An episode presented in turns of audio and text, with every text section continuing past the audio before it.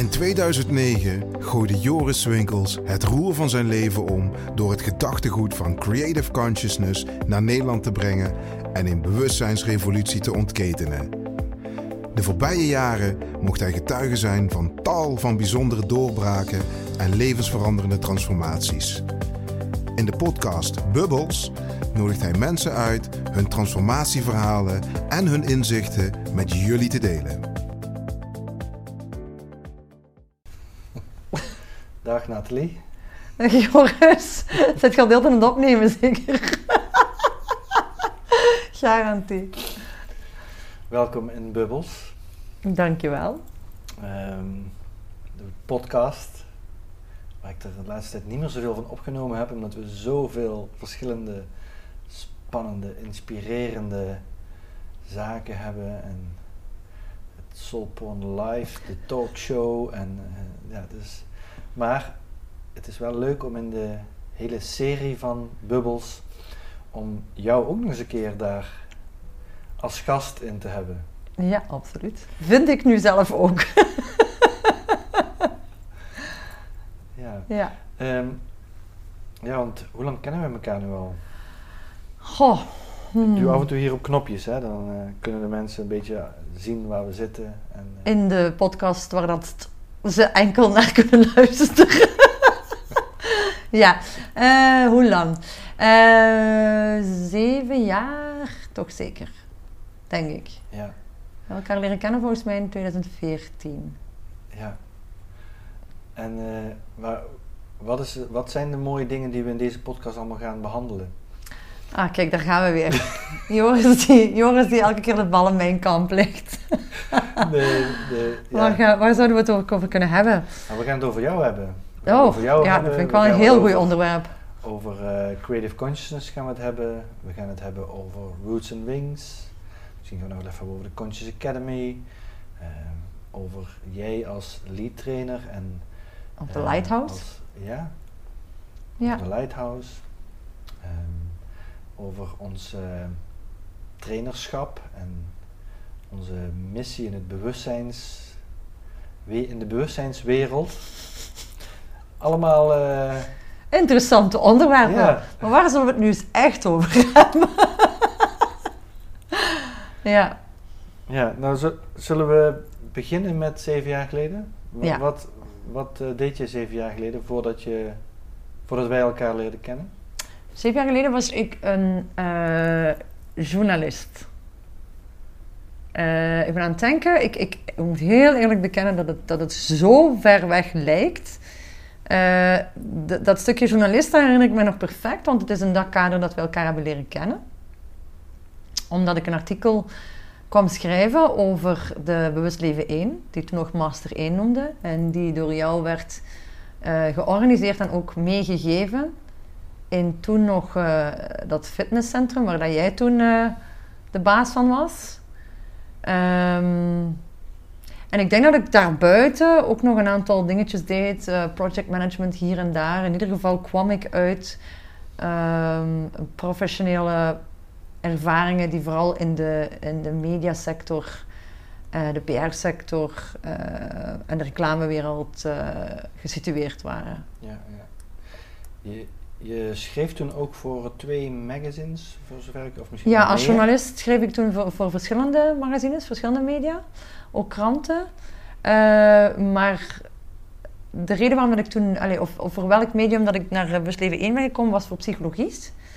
En daarvoor deed ik al, uh, was ik al gedurende vijf jaar ongeveer maandelijks een rubriek aan het schrijven, die noemde Uitgetest.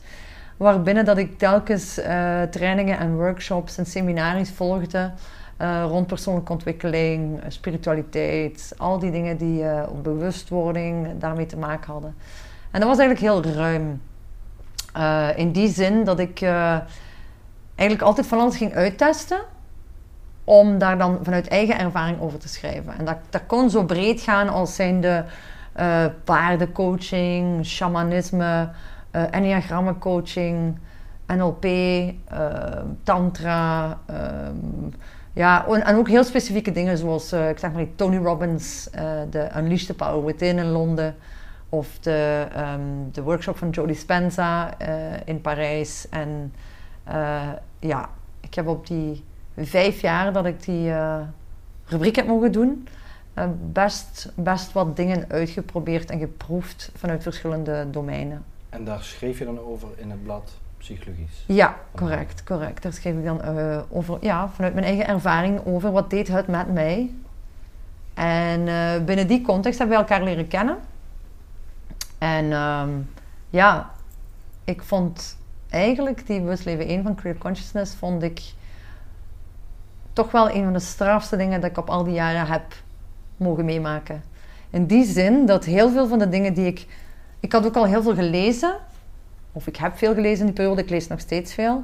Ehm, toen ik in die bewustleven 1 kwam, op dag 1 voelde ik eigenlijk, of hoorde ik eigenlijk ook al veel dingen die ik al eerder had gehoord en gelezen. Maar op een of andere manier kwamen ze in die training allemaal samen. Alsof iemand eigenlijk in een grote mengemmer een heel pak disciplines en leringen en strekkingen had gegooid. En daar eigenlijk het, het, de grootste of de diepste essentie uit had gehaald. En wat voor mij ook wel heel belangrijk was, is dat ik zo... Ik had zo'n gevoel van thuiskomen. Ik had het gevoel van... Ja, zoiets van, ha, ik wist het. Ik wist het dat, dat zoiets als dit kon bestaan, dat het bestond. Ehm, ja, zo, zo, van ik heb dit altijd al geweten, maar ik kon het niet vinden in mijn, uh, in mijn, uh, in mijn wereld. En toen, toen daar op dag één had ik al echt zoiets van, jawel, ziet je wel, het kan ook anders. En eigenlijk is mijn leven sinds die dag helemaal beginnen veranderen. Ja, en welke opzichten is het toen uh, veranderd? Ik voelde echt in mij, van, vanaf die eerste dag, voelde ik zo van, dit is wat ik moet doen in deze wereld. Ik voelde echt iets in mij dat zei, je moet bewustwording in de wereld helpen meezetten. Dat is waarom dat je hier bent. Dat, voelde zo als, dit moet ik doen. En ik kon dat niet vatten. En ik wist niet hoe, ik er, het eruit moest zien. Maar ik wist wel, ik voelde wel dat ik wilde helpen om bijvoorbeeld creative consciousness mee te helpen verspreiden onder zoveel mogelijk mensen. En ik ben dan ook eigenlijk begonnen met mijn schouders mee te zetten onder ehm, de opstart in België. Uh, om, daar, om daar meer snelheid in te steken. Mm ja. Wat, wat betekent voor jou bewustzijn in de wereld zetten? voor mij is het mensen een beetje wakker maken uit hun eigen conditionering. En hun eigen. Hoe zal ik zeggen? Hoe ik het zie is. Bewustzijn is zo'n beetje gelijk. Het feit dat je, je hebt een heel orkest van instrumenten ter beschikking.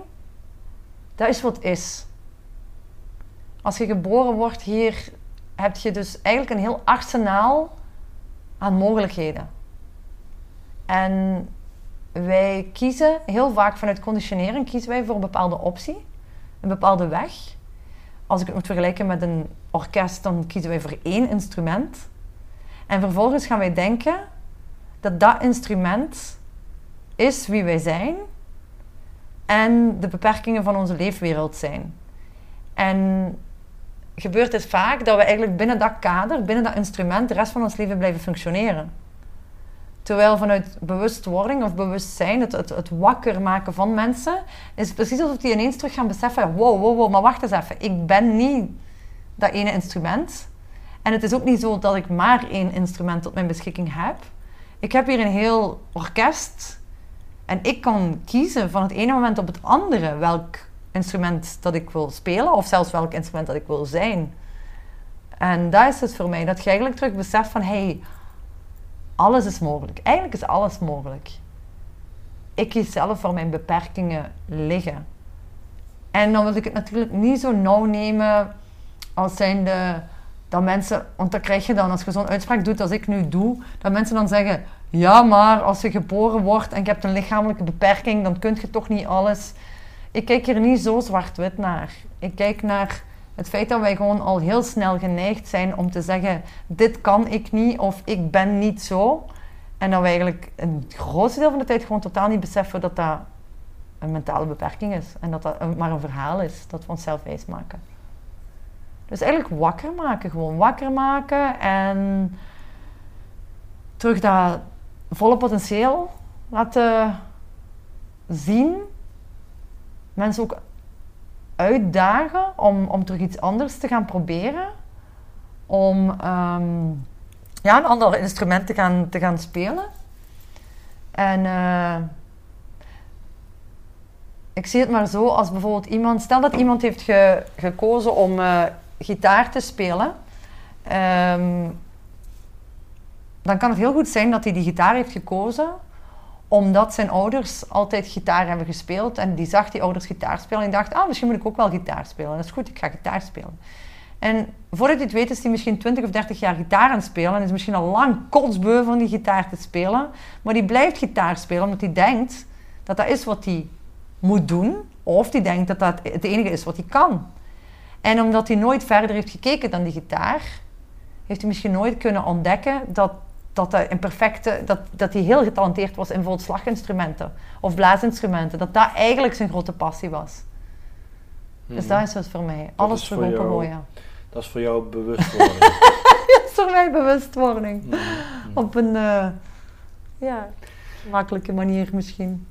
hey, en als, je, als we eens inzoomen op die zeven jaar dat je nu uh, bewustwording op, een, op deze manier de wereld in aan het brengen bent, aan het mhm. supporten bent en je kijkt naar het trainerschap, hè, dus de opleiding tot trainer en vervolgens het lead trainer mm. zijn, het met mensen, elke keer met groepen mensen werken.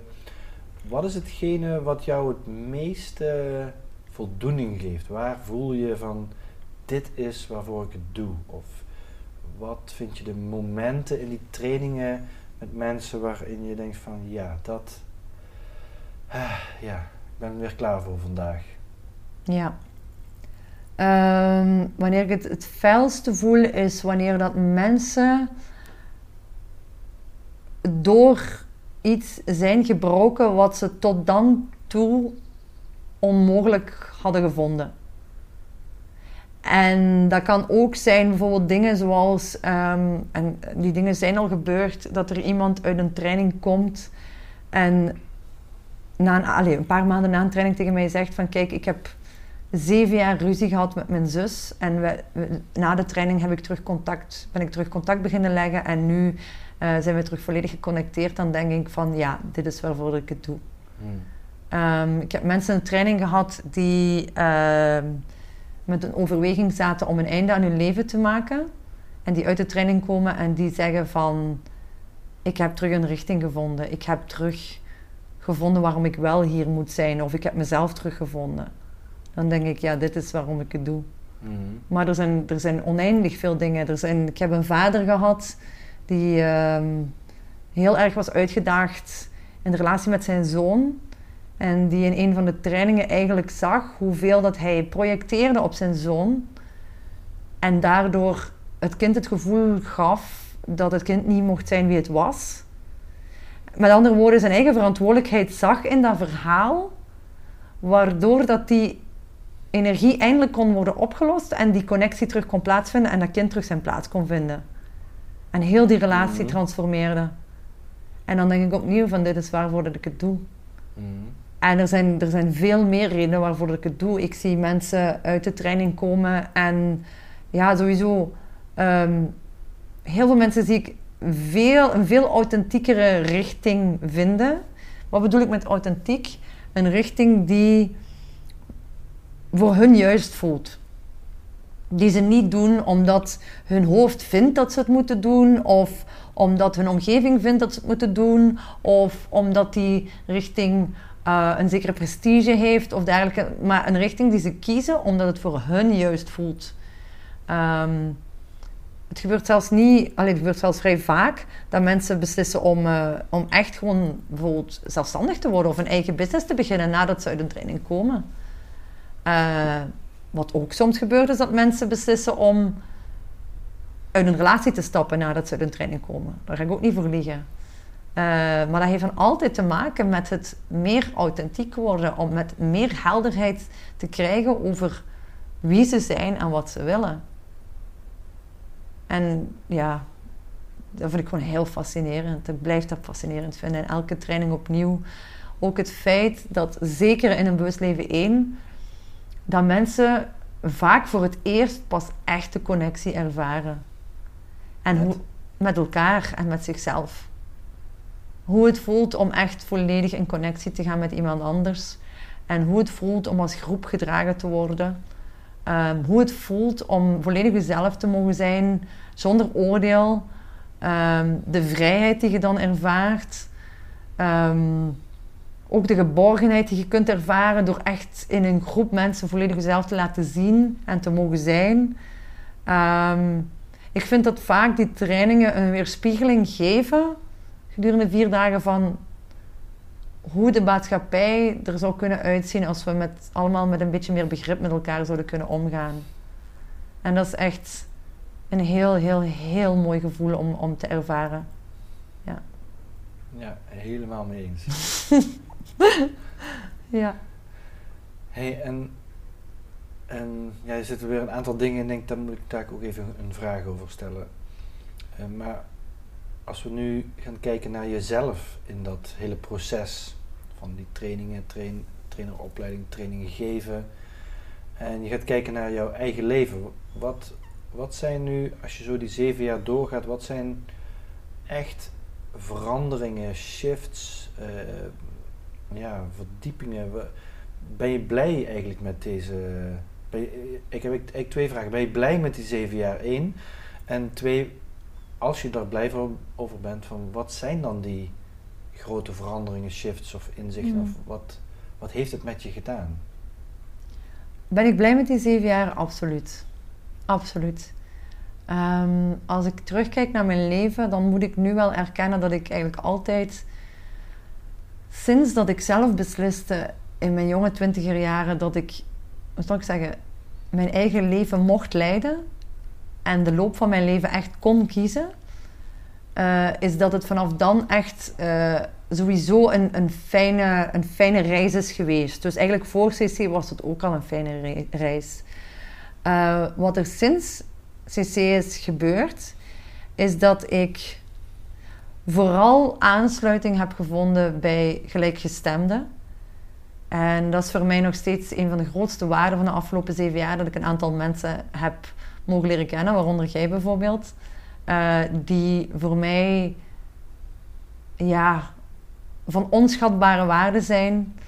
Ehm, waarbij ik ook echt voel van dat ik groei door gewoon met die mensen om te gaan. Dat het zo fijn is om samen een visie te delen en ergens aan te bouwen.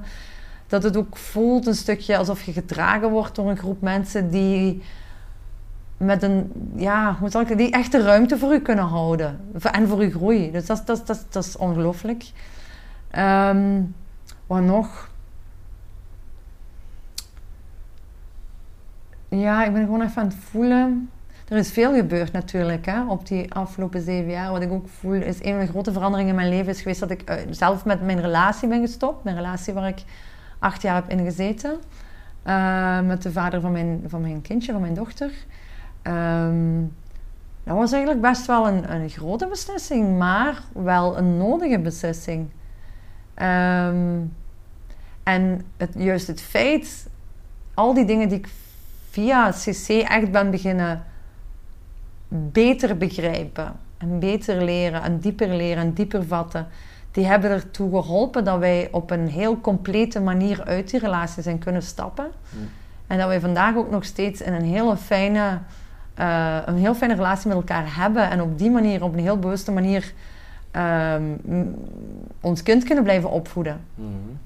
Eh, dus dat is fantastisch. Ehm, Kun, je, kun je eens wat noemen? Wat zijn dingen... Er gaan veel mensen uit elkaar, hè? mhm. En er gebeurt ook veel ellende. En in mijn ogen zijn kinderen vaak de, de echte dupe ervan. Mhm. En is heel veel van het leed wat er eh, in uit elkaar gaan gebeurt, te voorkomen of op een andere manier te doen. Mhm.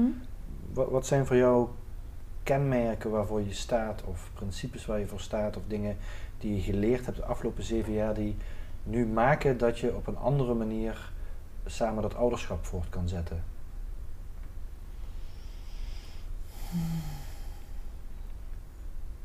Ik denk sowieso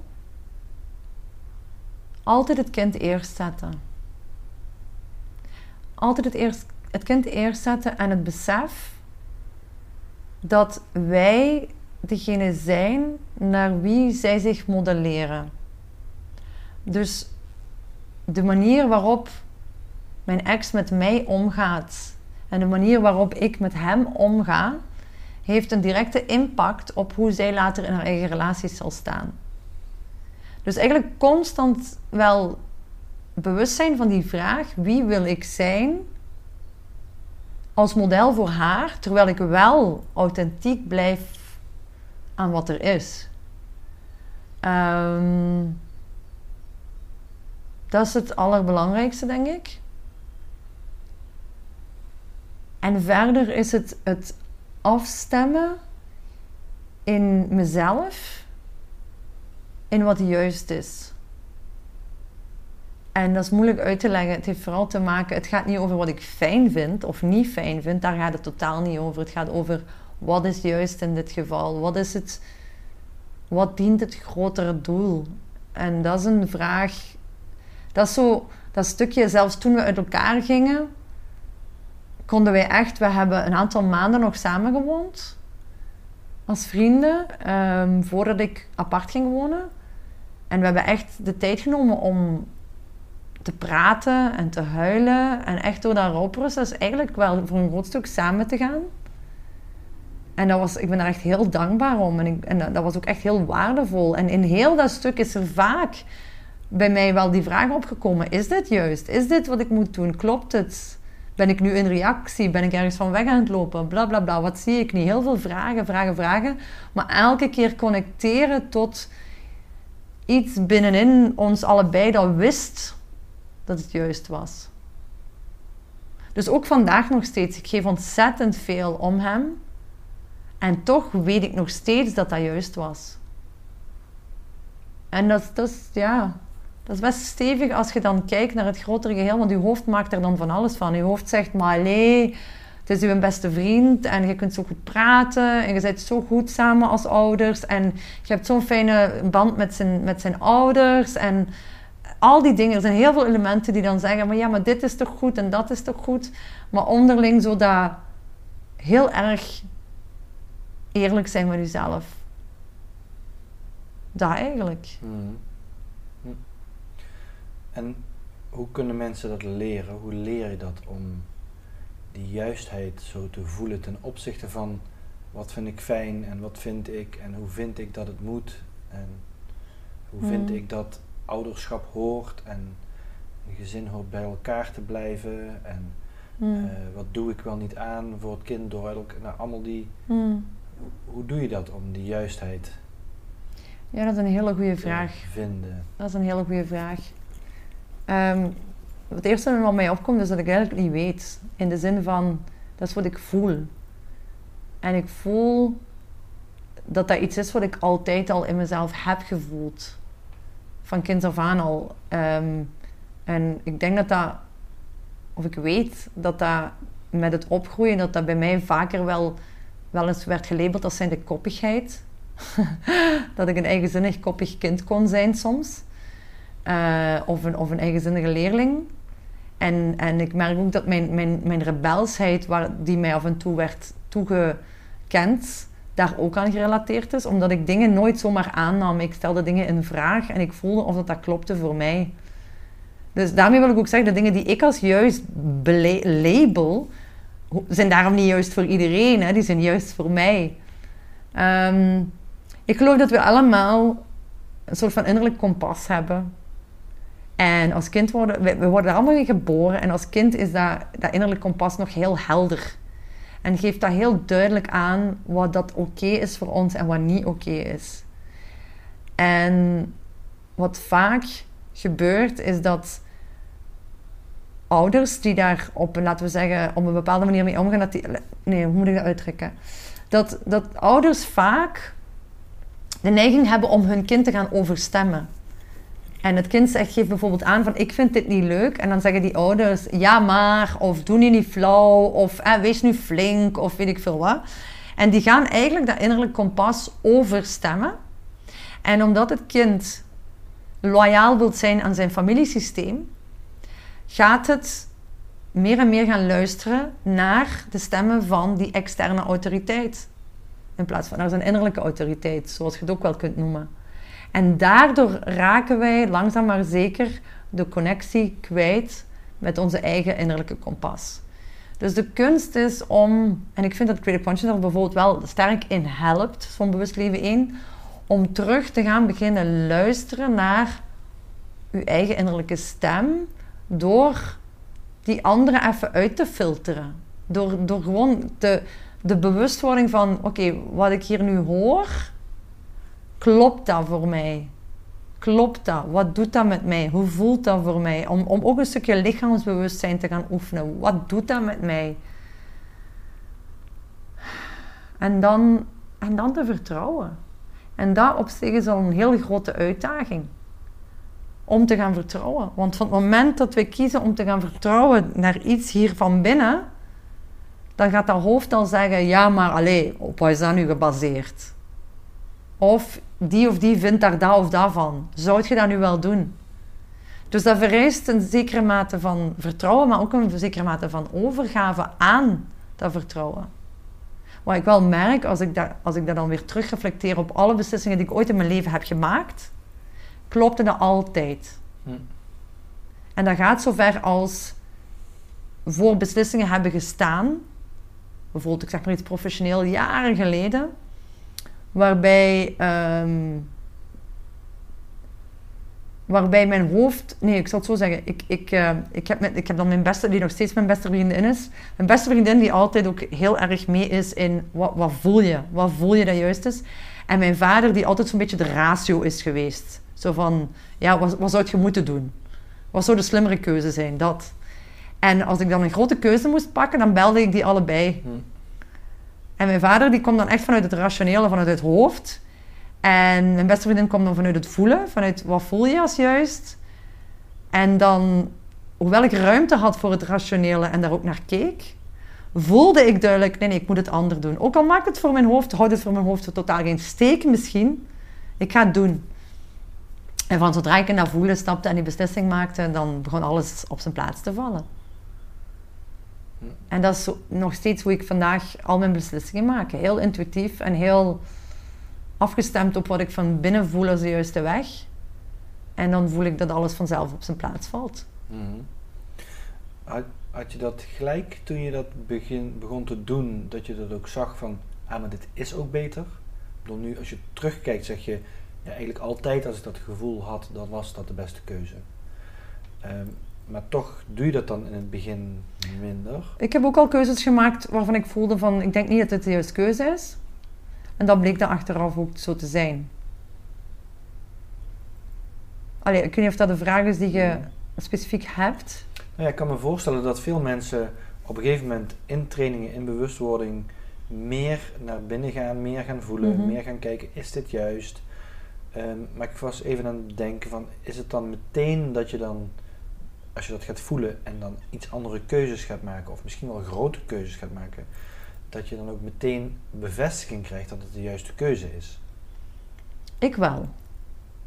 Bij mij wel. Bij mij wel. Bij mij gaat dat relatief snel. Ja. Oké. En ik ben ook gewoon aan het kijken. Ik ben even aan het proberen te kijken naar de situatie in mijn leven. Ik heb het zelf zo heel vaak dat ik dingen eigenlijk al voel aankomen voordat ze aankomen. Alsof ik daar zo, ja, ik weet dat niet, een gevoeligheid voor heb. Uh, weet ik veel, dat hij er al was misschien. Of ik weet bijvoorbeeld dat ik toen ik nog ja, voor CC en zo, toen uh, op een bepaald moment heb ik tegen mezelf gezegd: Oké, ik had al een tijdje voor werkgevers in verschillende omstandigheden gewerkt. En ik merkte dat ik heel makkelijk in uh, conflict kwam met uh, het management. En dat was iets wat zich elke keer opnieuw herhaalde. En toen heb ik voor mezelf gezegd van... Oké, ik ga dit nog één, ik ga nog één keer een kans geven... om voor iemand te werken. Als dat niet lukt, dan word ik zelfstandig. En dus dan heb ik één laatste job... Allee, ik had een job gevonden, dat was gewoon het ding. Ik had een job gevonden en ik ging daar 100% voor gaan. En vier maanden later lag ik al voor de eerste keer in de clinch met, met de, mijn werkgever. En eh, ja, pak... Ja, na een jaar heb ik, ben ik, heb ik beslist om daar weg te gaan. En toen had ik zoiets van, ja, that's it. That's it. Nu word ik zelfstandig. En ik had misschien veel eerder zelfstandig kunnen worden. Maar ik, heb heel lang, ik ben heel lang zelf geconditioneerd geweest in, in de angst om zelfstandig te worden. Omdat mijn, eh, mijn ouders zijn zelfstandigen geweest en die hebben een zaak gehad die failliet is gegaan na tien jaar. En dat heeft een hele zware last gehad op, op ons gezin. En mijn vader heeft in die tijd ook heel vaak tegen mij gezegd van word maar nooit zelfstandig. Eh, en dus ik heb altijd dat voelen aan mij trekken dat ik iemand ben die heel graag haar eigen koers bepaalt. Maar dat heel lang niet durven doen. Mhm. En daar heb ik toen wel die koers, ge- die sprong ge- gewaagd. Tot best een grote sprong was natuurlijk. Maar ik heb er nog geen seconde spijt van gehad. Dat, soms, dat soms zwaar is, absoluut. Ik kan wel af en toe echt wel mega gefrustreerd zijn. Omdat, ja, ondernemers en daar komt best wel wat bij kijken. Maar ik heb nog geen... Nee, ik zou echt totaal niet meer terug willen naar een, een context waarin dat ik eh, werk voor iemand of waarin dat ik niet meer de vrijheid heb die ik nu heb om, om mijn leven in te richten zoals ik wil.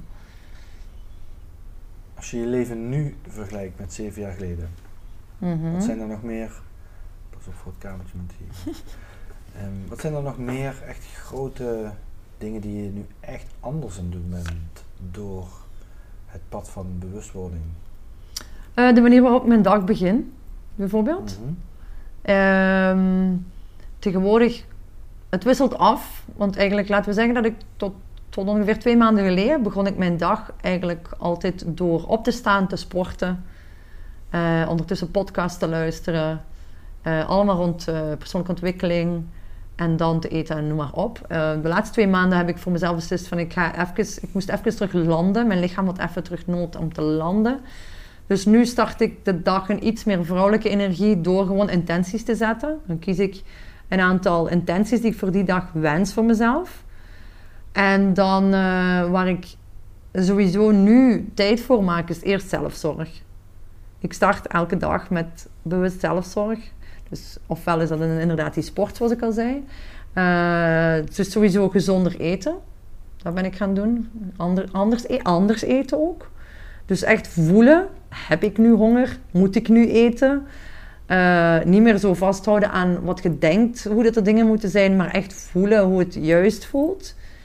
Ehm, voelen waar ik nood aan heb. Dus ik, ik merk dat nu op dit moment is mijn, heb ik een heel sterke behoefte aan heel veel lezen en researchen en schrijven. Dus dat, dat stik ik bewust in elke dag. Eh, waarbij ik vroeger misschien meer onbewust meeging in de stroom van de dingen. En nu echt voel van, waar heb ik nood aan? Wat voelt juist? Eh, ik merk dat ik ehm, sowieso in de afgelopen zeven jaar... Is, zelfzorg is een van de belangrijkste dingen geweest die naar voren zijn gekomen. In die zin dat ik, ehm, zelfs fysiek, ik zie er eigenlijk helemaal anders uit dan zeven jaar geleden. Ehm, op een bepaald moment ben ik ook ik heb regelmatig de feedback in mijn... Want we hadden het toch juist over trainer, trainerschap en dergelijke. Ik heb regelmatig de feedback ook wel gekregen van... eh, om meer mijn vrouwelijke energie te gaan omarmen en dergelijke. En ik had eigenlijk geen flauw idee wat dat eigenlijk inhield, vrouwelijke energie. Eh, dus ik ben daar op een bepaald moment heel bewust voor gaan kiezen om de vrouw in mij te gaan ontdekken. Wat was dat dan? En wat betekent dat vrouw zijn? Wat betekent dat volgens conditionering? En wat betekent dat voor mij? Dus dat is iets wat ik in de afgelopen jaren heel sterk ben gaan doorvoelen voor het eerst in mijn leven. Dat is echt in de afgelopen zeven jaar maar gebeurd. Dat ik een paar jaar... Ik denk, nu ben ik... Ik word 42 dit jaar. Ah, wel, ik denk dat ik uh, 6, 37 was. Dat ik voor de eerste keer uh, rode lippenstift opdeed. En dat ik voor de eerste keer in mijn leven hoge, hakken droeg. En dat ik uh, ondertussen mijn haren heb laten groeien. En vorig jaar gaatjes in mijn oren heb laten steken. En um, die hele ontdekking van al die dingen is, is pas de afgelopen zeven jaar gebeurd. Uh, wat er ook de afgelopen zeven jaar is gebeurd, en dat heeft dan ook, ja, ik zeg het, CC Creative Conscious was voor mij, ook al was ik sinds mijn 27e daar heel concreet al mee bezig, heeft, heeft CC eigenlijk een deur opengegooid naar al de rest. En maakte ook bijvoorbeeld dat ik, uh, ik had bijvoorbeeld, ik zeg maar iets, Eckhart Tolle, De Kracht van het Nu, had ik al gelezen voordat ik Bewust Leven 1 deed, maar ik snapte er geen jota van. En nadat ik Busleven 1 deed, heb ik die opnieuw gelezen en toen, toen hield het ineens allemaal steek. Dus wat ik daardoor ook, um, uh, naast die, die reis naar vrouwelijkheid, wat ik daarnaast ook ben gaan doen, is de reis, de reis naar seksualiteit bijvoorbeeld. Uh, die vond ik ook geweldig. Dat is ook iets van de afgelopen jaren geweest. Uh, tantra is dan iets wat er is bijgekomen. Um, ik, daar vind ik ook een van de dingen waar ik onwaarschijnlijk dankbaar voor ben dat ik terug in staat ben om echt te voelen wat waar is voor mij in een bepaald moment. En dat ik, zoals er straks, toen, dat ik, dat, toen dat ik u zag en dat we even aan het babbelen waren en dat we terug aan het lachen waren, gelijk we altijd lachen. En dat ik, dat ik eigenlijk aan de ene kant zo hard aan het lachen was. En het, het volgende moment was ik volledig in tranen, omdat ik besefte dat ik u zo hard had gemist. Maar op dat moment was het, ja, dat, dat is wat is. En vroeger zou daar misschien een domper op hebben gestaan. Zou ik zo'n dingen hebben onderdrukt. En nu heb ik dat niet meer. Ik laat alles gewoon ook zijn. En ik voel wat er is in het moment. Um, ja, zonder oordeel. Zonder. Ik laat dat gewoon ook stromen. En dat is fijn, want dat stroomt toch vanzelf weer weg. Um, en wat ik ook vooral heel fijn vind, uh, is dat ik alles nog veel meer ben gaan appreciëren. Dat ik echt gewoon s'morgens kan opstaan en naar buiten kan gaan kijken. En dat ik gewoon diep, diep, diep geraakt kan zijn door de kleur van de, van de lucht. Of de zon die opkomt. Of dat ik onder de douche ga staan. En ontzettend dankbaar ben voor het feit dat ik, dat ik in, ja, in, in deze vorm die ik nu ben uh, dat ik dat mag ervaren hoe dat voelt om warm water over mijn lijf te laten stromen. Um, de, intensiteit van al, is, de intensiteit van alles is gewoon sterker geworden. Wat niet wegneemt dat ik ook, als het even moeilijk gaat, dat ook dat tien keer zo diep voelt. dus dat is dan ook weer waar. Uh, maar die, die, die moeilijke momenten, die zijn er wel minder. Veel minder als vroeger. Als die er zijn, zijn die wel heftig. Omdat ik heb het gevoel dat het allemaal geïntensifieerd is. Maar ze zijn er veel minder. Ik voel dat mijn kopingsmechanisme veel sterker ontwikkeld is. Dat ik erin slaag, wat ik vroeger absoluut niet kon. Ik was vroeger heel erg ontvlambaar. Waar ik veel meer in slaag om nu mijn emoties onder controle te houden en mijn woede beter te kanaliseren. Um, ja, het heeft mijn creativiteit onwaarschijnlijk aangescherpt. Ik voel dat ik nu in heel veel dingen die ik onderneem ook het gevoel heb dat ik mezelf pas echt kan appreciëren. Ik kan nu bijvoorbeeld tekenen en denken: damn, dat is niet slecht. Of ik kan zingen en denken: hey, dat is best wel een leuke stem. Of ik kan in de spiegel kijken en denken: amai, je ziet er goed uit vandaag. En dat zou ik vroeger allemaal niet gekund hebben. Dat, dat, ging niet. Dat, ik kon mezelf niet appreciëren op die manier. En ook daar is, uh, ook daar is iets van de laatste zeven jaren. En dan ruimte houden vind ik ook een heel, hele mooie. Om te kunnen, en dat is, dat is nog altijd een, een heel erg ongoing proces. Want ik merk dat dat bij de ene persoon makkelijker gaat dan bij de andere. En onder de ene omstandigheden makkelijker dan de andere. De ruimte houden voor iemand anders. En echt kunnen zijn met wat die persoon doormaakt. En daar gewoon niks mee te hoeven doen. Waar ik vroeger heel fel altijd wilde helpen en oplossen en goede raad geven. En ja, misschien ook gewoon moeilijk kon zijn met iemand die pijn had. Um, terwijl ik merk dat dat mij nu meer en meer meer en beter afgaat. Zo, om gewoon er te zijn en de ruimte te houden. En ik vind dat van onschatbare waarde voor ons als mensen om te leren de ruimte te houden voor iemand anders. Dus ja, in die zin zijn de afgelopen zeven jaar voor mij zijn voelt alsof ik zeven jaar geleden pas echt ben beginnen leven. Zo voelt het een beetje. Ja. Mooi. Mooi. Gelukkig. Herboren worden. Ja, zo een beetje, ja. Ja. Hey, ehm, je hebt ook een eh, grote affiniteit met de ontwikkeling van je dochter. Ja, absoluut. En eh, daar, ik neem aan, maar het is een aanname, dat ook daaruit hetgene gekomen is dat je met ouders en ouderschap en kinderen eh, ook op het gebied van bewustzijn dingen bent gaan doen. Mhm. Kun je eens vertellen hoe dat, dat ontstaan is of wat je drive daarachter is? Ehm,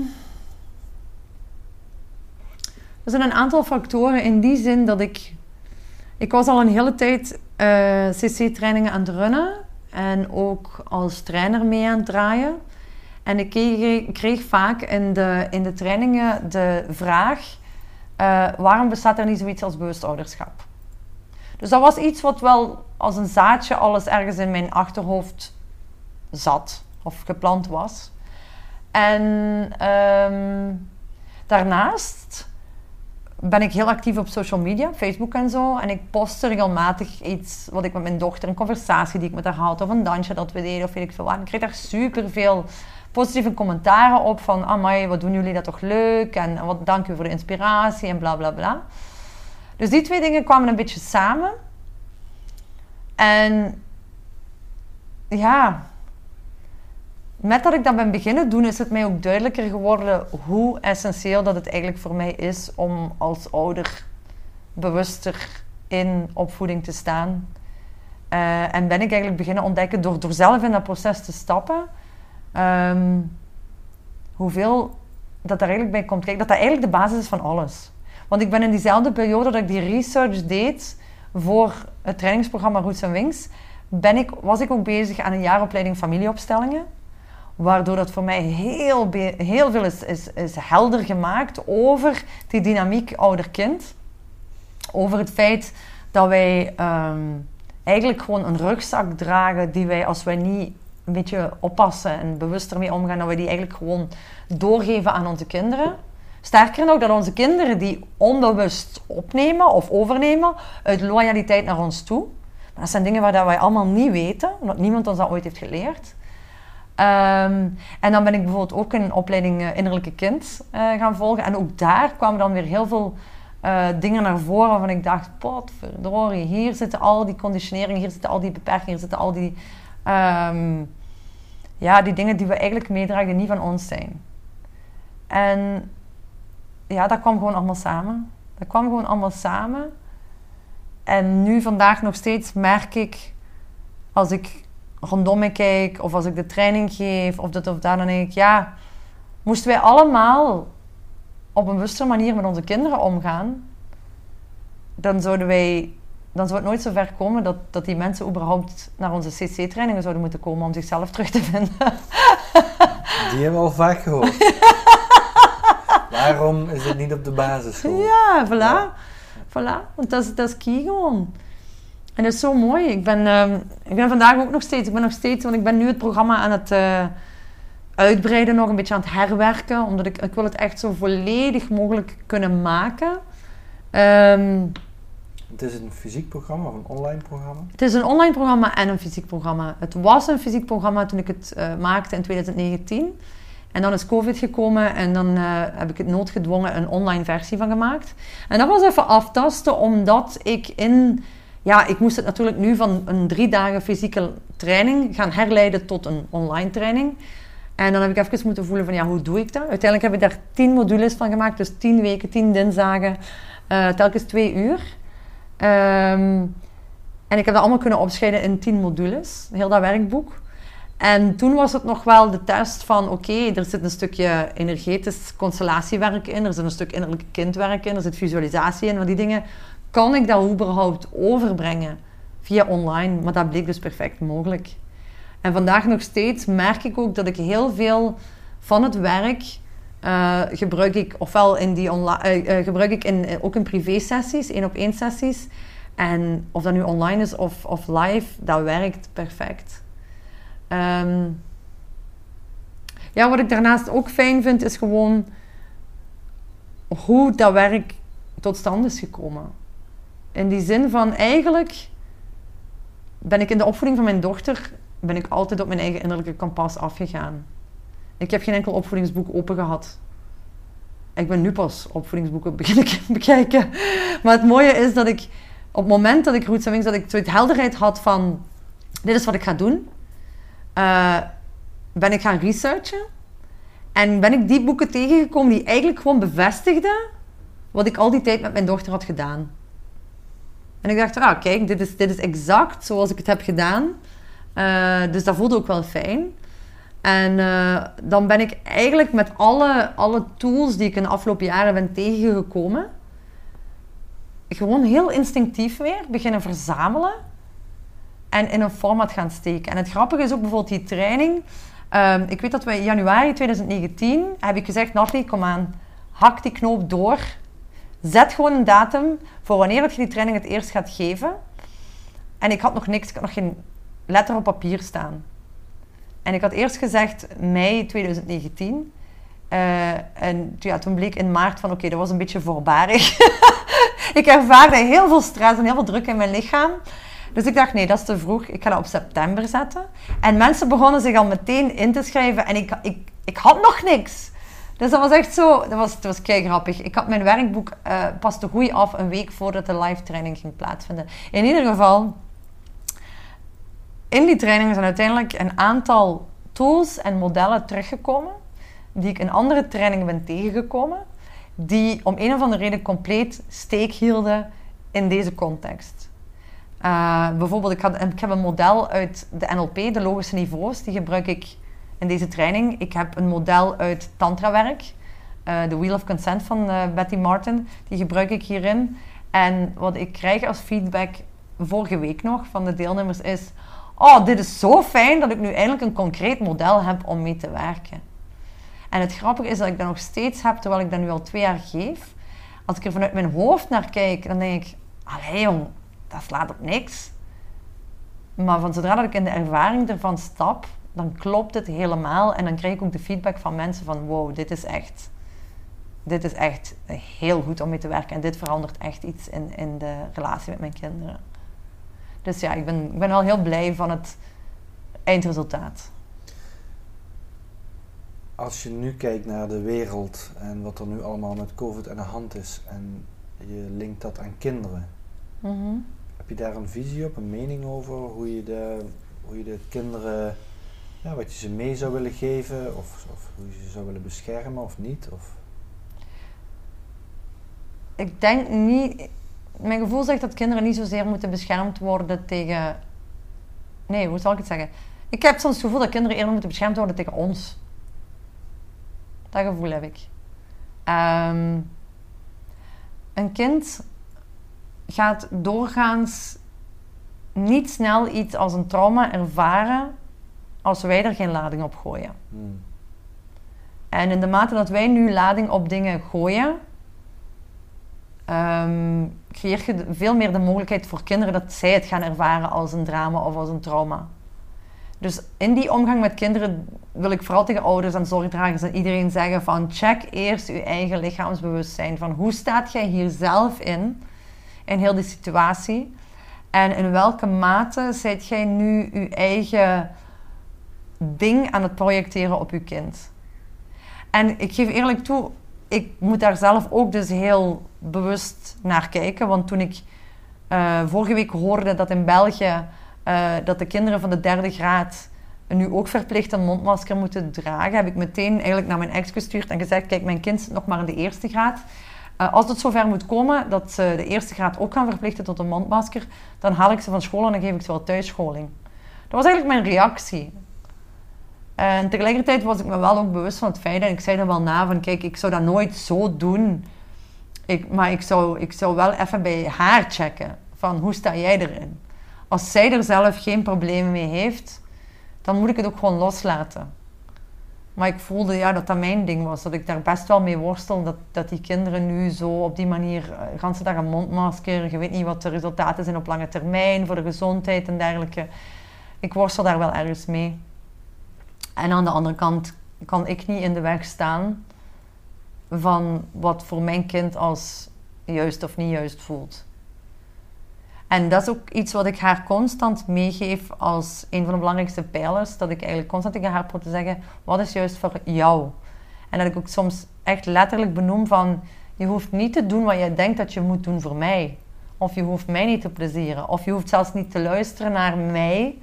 Luister eerst naar wat voel je van binnen dat juist is voor jou. En, en ik denk dat dat key is. En als je dat kunt doen, dan... Wat, wat is opvoeding eigenlijk? Dat is ook nog zo'n mooie. Bestaat dat? Ja, dat bedoel ik gewoon. Eigenlijk, opnieuw, eigenlijk is het opnieuw spaceholding. Ik kijk naar bewust opvoeden vanuit het principe. Eigenlijk, dat kind is al heel. Daar moet niks mee gebeuren. Het enige wat wij moeten doen als ouders, is wij zijn een beetje het, um, het kanaal, zal ik zeggen, door de welke zij op deze wereld komen. En wij zijn dan degene die hun uh, uitleggen hoe deze wereld functioneert. Maar bij voorkeur vanuit een neutraal perspectief. Wat we het meestal doen is, is helemaal niet neutraal. We zeggen, dit is hoe de wereld functioneert en dit is wat wij ervan vinden. Dus dat kind gaat dan uit loyaliteit opnieuw heel snel al vervallen in... ik doe hetzelfde als mijn ouders, want ik wil bij dit systeem behoren. De kunst is om de dingen neutraal te kunnen aanbieden... en het kind zelf te kunnen gaan laten ervaren wat juist is voor hem of haar. Want die heeft zijn eigen pad hier te bewandelen. En alles wat eigenlijk al ingekleurd is door ons, is al niet meer authentiek ons kind. En gaat hij daarna misschien weer moeten ontleren, of gaat hij in zijn puberteit gaan tegen rebelleren? En dat is ook een van de dingen waar ik nu al bijna naar uitkijk. Als mijn dochter gaat puberen. Mijn dochter beweert overigens dat ze niet gaat puberen. Schitterend toch? 7,5 is en ze zegt, dat, doe ik, dat ga ik nooit doen, zegt ze. Geen idee waar dat, dat vandaan komt. Um, ja, maar ik vraag me ook af. Ik heb nog niet de, de, het privilege gehad om met een puberend kind uh, in huis te wonen. Dus ik ben zeer benieuwd. Um, maar ik vraag me dus af in welke mate dat kinderen die puberen effectief, dat die zich juist op dat moment tegen alles wat inauthentiek is gaan afzetten. Mm, hele mooie. En, en, en in welke mate dat die zich op dat moment zijn aan het afzetten tegen alle sturing die al die jaren ervoor reeds is gebeurd uh, van hun ouders. En dat is een vraag die ik mij stel, want ik weet de waarheid daar niet van totdat ik ze zelf heb ervaren. Um, als wij erin slagen om in het eerste stadium van, het, van, van hun leven hun ruimte te geven om zichzelf te ontdekken en hun eigen waarheid te volgen, of er dan überhaupt nog een echte afzetting gaat gebeuren in die puberteit. Of dat het gewoon een transitie gaat zijn naar het volgende niveau. Hm. En ja, ik heb het zelf nog te ontdekken, ik weet het niet. Hm. Mooi, mooi. We hebben het even over Creative Consciousness gehad. Jouw trajecttrainer, um, het licentiehouderschap hebben we het nog niet echt over gehad. We hebben nog Lighthouse. Mm -hmm. wat, wat doet Lighthouse? Wat doet de Lighthouse? De Lighthouse. Um, de Lighthouse, de bedoeling van de Lighthouse is om een, um, ik ga er een grappig woord op plakken, maar een keurmerk. Een keurmerk te worden voor transformationele trainingen. Dus dat wil eigenlijk zeggen dat we in België de place to be worden als je voor transformatie kiest. Dus dat wil ook zeggen dat het, het is een holistisch platform het, geeft meerdere, het zal meerdere mogelijkheden tot transformatie bieden in de, vorm van verschillende soorten trainingen of workshops of lezingen of whatever.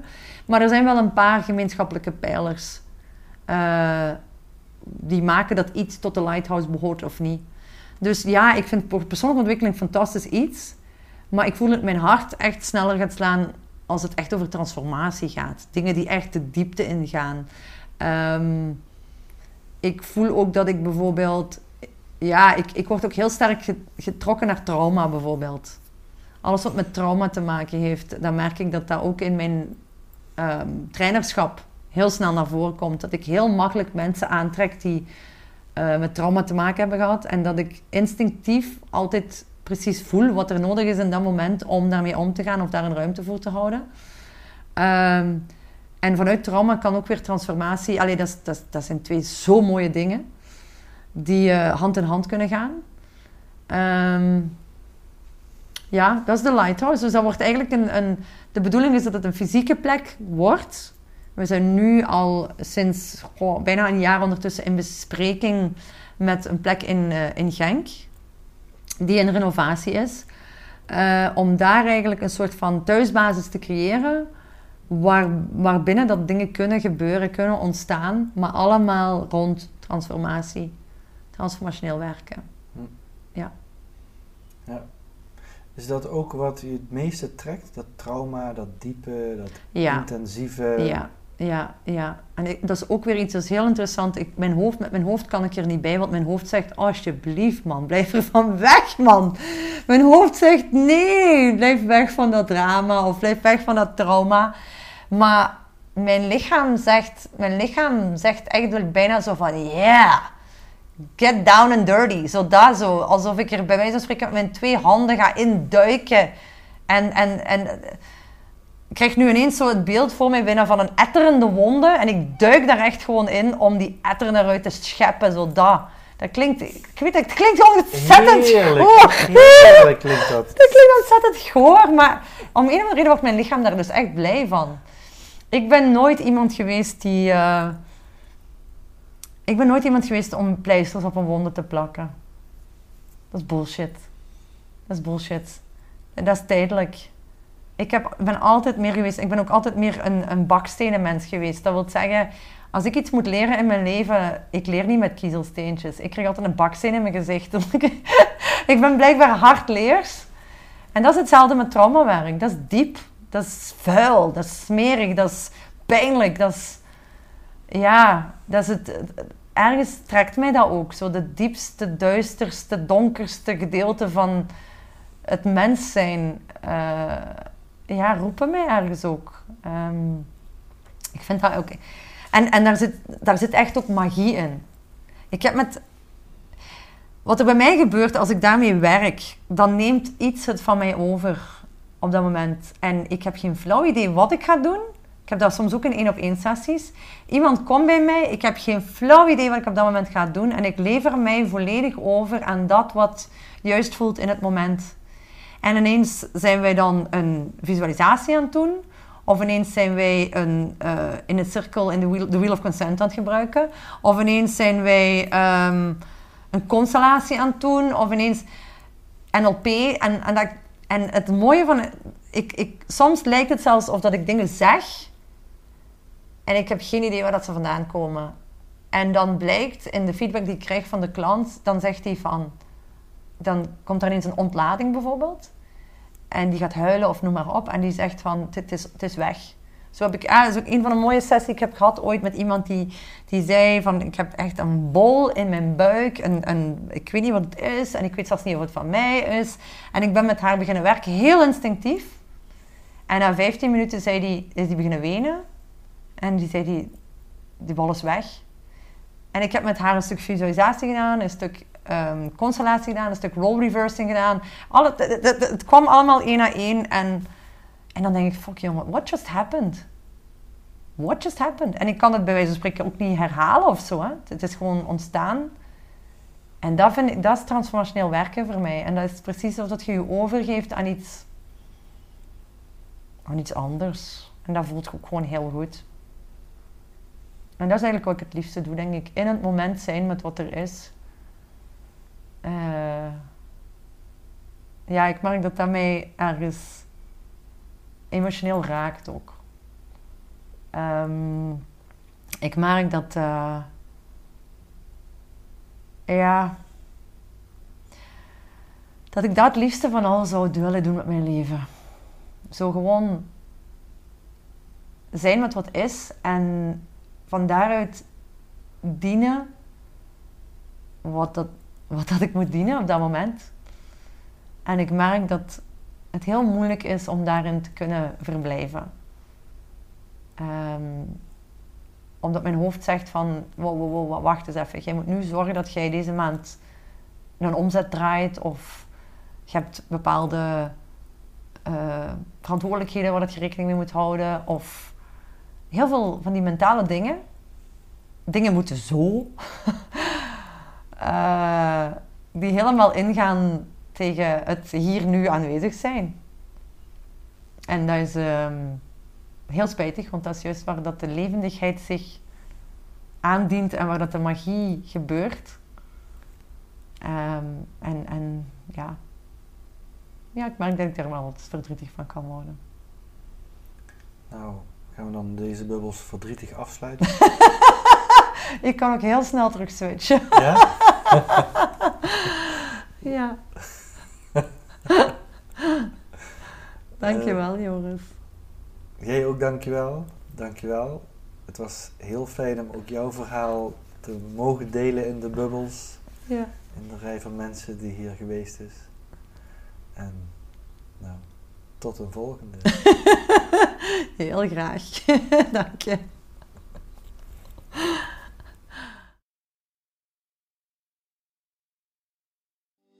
Ben jij ook toe aan een bruisender leven of een bubbelende business en denk dat Joris daarin kan helpen?